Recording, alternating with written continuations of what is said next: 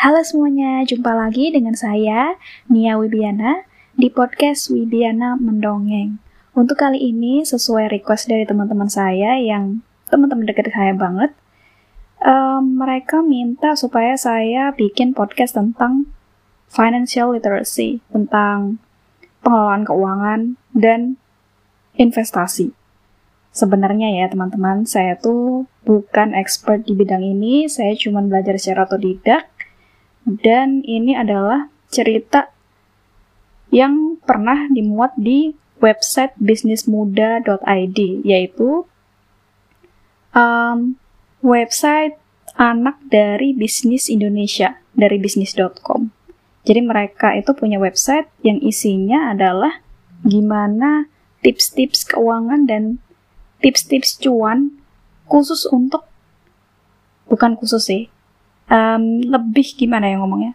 Ini tuh kontribusi dari anak-anak muda maupun generasi muda walaupun misalkan yang ngasih konten ini tua umurnya gitu tapi tetap jiwanya muda gitu ya makanya namanya bisnis muda. Oke langsung aja. Jadi saya pernah nulis dengan judul 7 jenis instrumen investasi yang bisa dimulai di rumah aja. Jadi saya akan bacain artikel yang saya tulis ini tadi ya.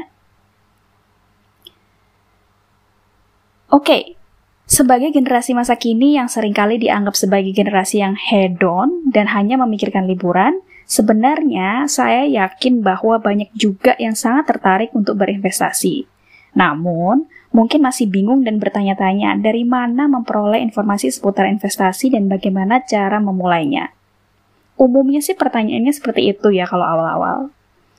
Nah, untuk pertanyaan pertama soal informasi seputar investasi, itu kalian bisa peroleh dengan mudah di Google, teman-teman.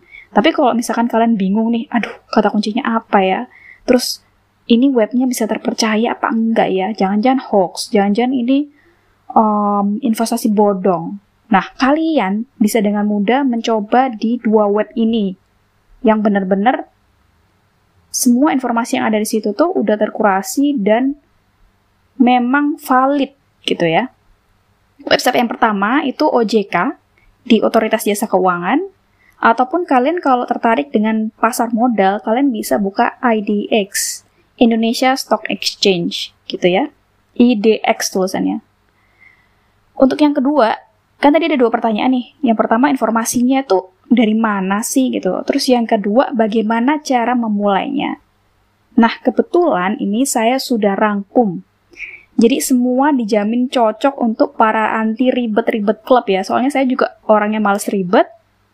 Jadi saya udah mengcompile 7 jenis yang mulai dari pendaftarannya, transaksinya, laporannya itu semua dapat diperoleh secara daring atau dalam jaringan atau online ya. Sehingga kalian itu nggak perlu repot-repot ke mana pun, bener-bener yang penting ada device, yang penting ada koneksi internet, oke, okay, jalan, bisa. Gitu. Pokoknya super mendukung gerakan stay at home alias di rumah aja. Banget banget mendukungnya.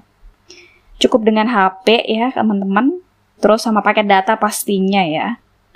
Jadi kalian bahkan bisa ngelakuin ini sambil rebahan. Langsung aja yang pertama ya, tabungan. Jadi, kalian tuh harus mulai menyisihkan sebagian dari penghasilan kalian di, di rekening tabungan yang terpisah dari rekening utama. Rekening utama itu ya entah kalian dapat gaji ataupun penghasilan yang kalian masukkan ke rekening itu, pisahkan dulu sama dana darurat. Pertama itu kalian harus nyiapin dana darurat dulu. Itu pisahin aja. Kenapa? Ya kalian kan nggak tahu ya. Mungkin kalian belum ngitung-ngitung yang rajin pemasukan terus habis itu pengeluaran kayak gitu. Kalau itu dalam satu tempat yang sama kemungkinan untuk akan ketarik dengan penggunaan penggunaan pengeluaran pengeluaran lainnya itu tinggi. Jadi lebih baik kalau kalian udah dapat penghasilan ataupun dapat gaji langsung pisahin. Ini yang buat disimpan. Yang ini hura-hura terserah mau pakai gimana. Yang penting simpan dulu sebagian sisihkan. Sisanya baru dipakai. Seperti itu ya teman-teman. Terus nih sekarang ya udah banyak banget bank yang menerapkan metode pendaftaran rekening secara full online. Bahkan di luar jam operasional bank. Kan kalau misalkan kalian ke bank nih, biasanya weekday, itu kan jam 8 sampai jam 15 lah ya maksimal atau jam 3 sore. Sabtu kadang-kadang ada yang weekend banking, banyak yang nggak ada.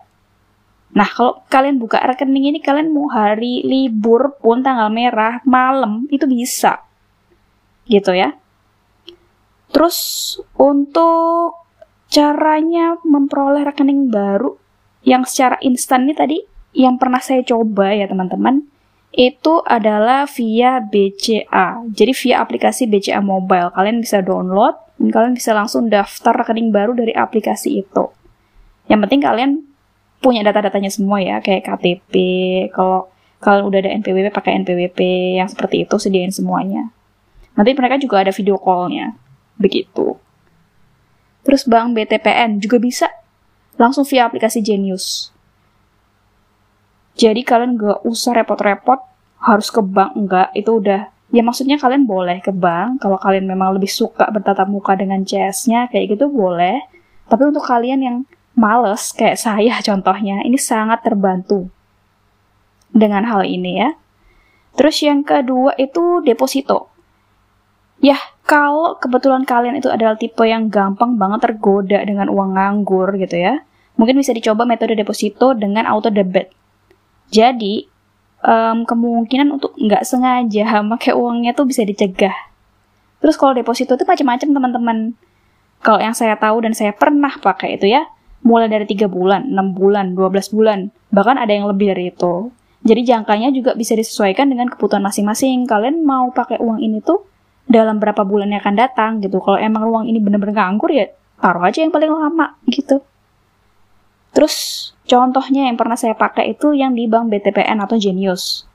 Jadi via aplikasi namanya Genius, banknya namanya bank BTPN. Dia tuh menawarkan tiga jenis deposito dengan tujuan rentang dan tentunya bunganya juga beda-beda ya.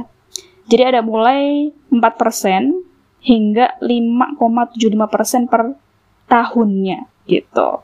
Terus ada lagi juga yang via bank DBS itu namanya aplikasinya DigiBank. Itu dia untuk setahunnya itu 6% untuk bunganya gitu. Terus kalau misalkan nih kalian nggak mau punya bunga dari deposito ya kalian bisa pilih bank-bank lain yang memang syariah. Misalkan kalian ada beberapa yang oh, aku nggak mau deh kayaknya kalau bunga-bunga bank, ya nggak apa-apa. Kalian bisa cari opsi-opsi bank lain yang memang benar-benar menerapkan um, hukum syariah gitu ya. Terus yang ketiga Tadi kan udah dua, ini yang ketiga itu valuta asing. Misalkan kalian tertarik investasi di valuta asing, itu bisa banget. Kenapa enggak? Dan sekarang itu juga nggak perlu ke bank sama sekali, cukup tap tap tap itu semuanya bisa jadi. Terus udah saya buktiin sendiri juga, dan kebetulan ini masih dengan fitur dari bank yang sama, BTPN, dari Genius. Di situ tuh ada fitur pembelian falas dengan tujuh jenis mata uang yang berbeda. Jadi mata uangnya tuh ada dolar Australia, euro, pound sterling, terus dolar Hong Kong, dolar Singapura, yen Jepang. Yang pastinya ada juga dolar Amerika lah ya. Terus ya, kenapa kok saya suka aplikasi ini? Karena rate-nya itu bagus kalau dibandingin sama produk-produk lain gitu. Terus ya, untuk cara pembelian awalnya itu bisa dimulai dengan nominal yang kecil. 10 dolar kalau untuk yang USD. Terus yang SGD Singapura dolar itu 10 juga. Jepang yen itu 1001. Terus yang pound sterling itu 10 juga. Australia dolar 10. Hmm, satunya lagi itu euro juga 10. Terus kalau yang Hong Kong dolar itu 100. Itu untuk pembelian pertama. Selanjutnya, kalau kalian mau beli lagi itu bisa dimulai dari 1 USD, SGD, JPY, GBP, AUD, EUR, HKD. Gitu ya teman-teman. Dan itu ada biayanya nggak? Nggak ada, langsung di-convert aja gitu saldonya. Kalian mau beli berapa?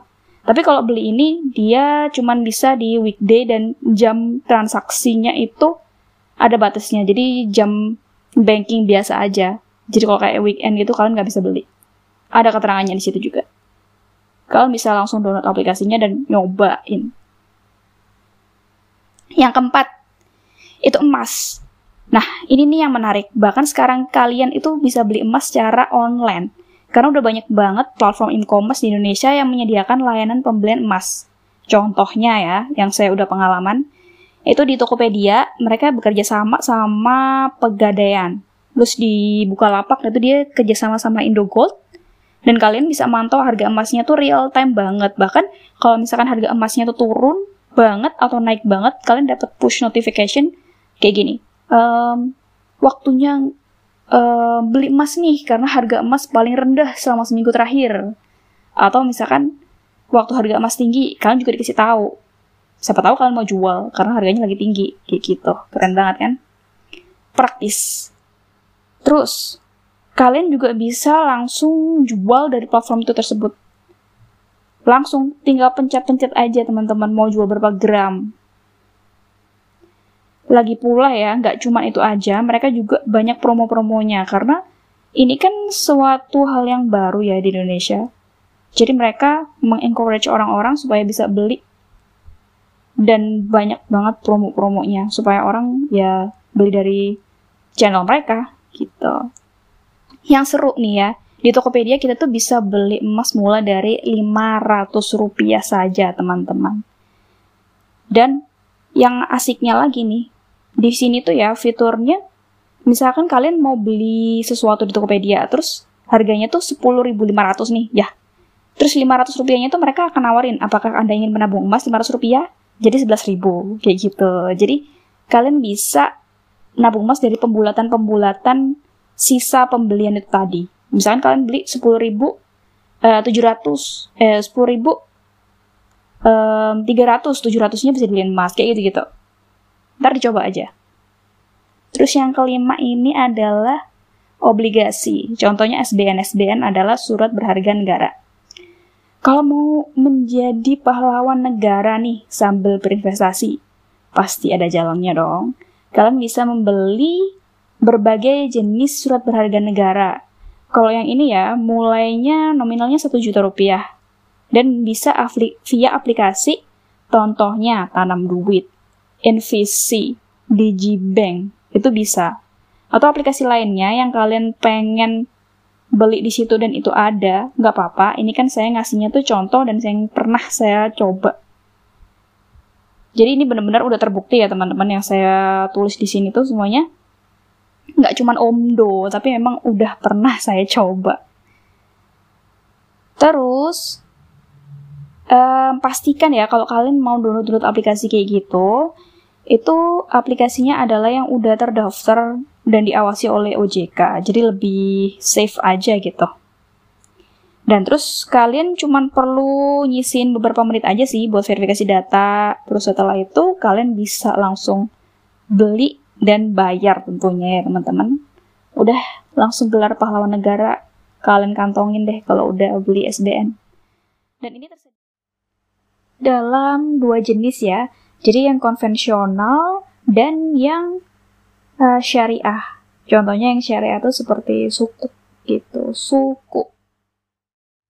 Terus untuk kalian yang masih ribet, itu ada lagi instrumen yang simple yaitu reksadana. Jadi di sini tuh udah ada manajer investasi yang siap bantu kalian dalam mengelola modal kalian. Tanpa kalian perlu pelajarin hal-hal yang rumit. Tapi kalau misalkan kalian mau pelajarin ya nggak apa-apa, namanya juga belajar. Belajar itu boleh. Jadi untuk reksadana ini ada empat jenis ya teman-teman. Uh, paksa reksadana pasar uang, pendapatan tetap, campuran, dan saham. Terus kalian nggak perlu khawatir kalau misalkan kalian bingung nih, aduh mau pakai yang mana ya? Itu kalian bisa download aplikasi yang untuk pembeliannya itu, misalkan contohnya tuh bibit, tanam duit, invisi atau yang lainnya. Nah di sana itu nanti bakalan ada kuesioner yang bisa nentuin seberapa jauh sih tingkat resiko kalian. Apakah kalian itu konservatif, moderate, atau agresif. Jadi mereka itu punya semacam bot robot gitu ya yang bantu kalian untuk bagi-bagi porsi jenis reksadana apa sih yang harus kalian beli. Jadi kalian nggak perlu bener-bener melajarin banget, mikir banget kalau kalian nggak punya waktu. Tapi kalau kalian punya waktu, kalau mau belajar, mau, nyoba satu-satu jenisnya, semua itu tadi, nggak masalah, nggak apa-apa. Tapi untuk orang yang ribet dan bingung, dan buta sama sekali pengetahuan kayak gini, bibit itu oke okay banget. Karena dia udah ada um, rekomendasinya gitu, sesuai dengan profil resiko kalian. Terus kalian juga bisa gabung di grup Telegram Bibit di mana di sana tuh emang banyak banget orang-orang yang antusias untuk investasi di reksadana. Dan di situ banyak banget tips-tips insight yang bisa kalian dapetin untuk mempelajari hal ini. Gak ada yang namanya sulit. Sekarang itu serba mudah sekali Tinggal kalian mau belajar apa enggak. Ya, teman-teman.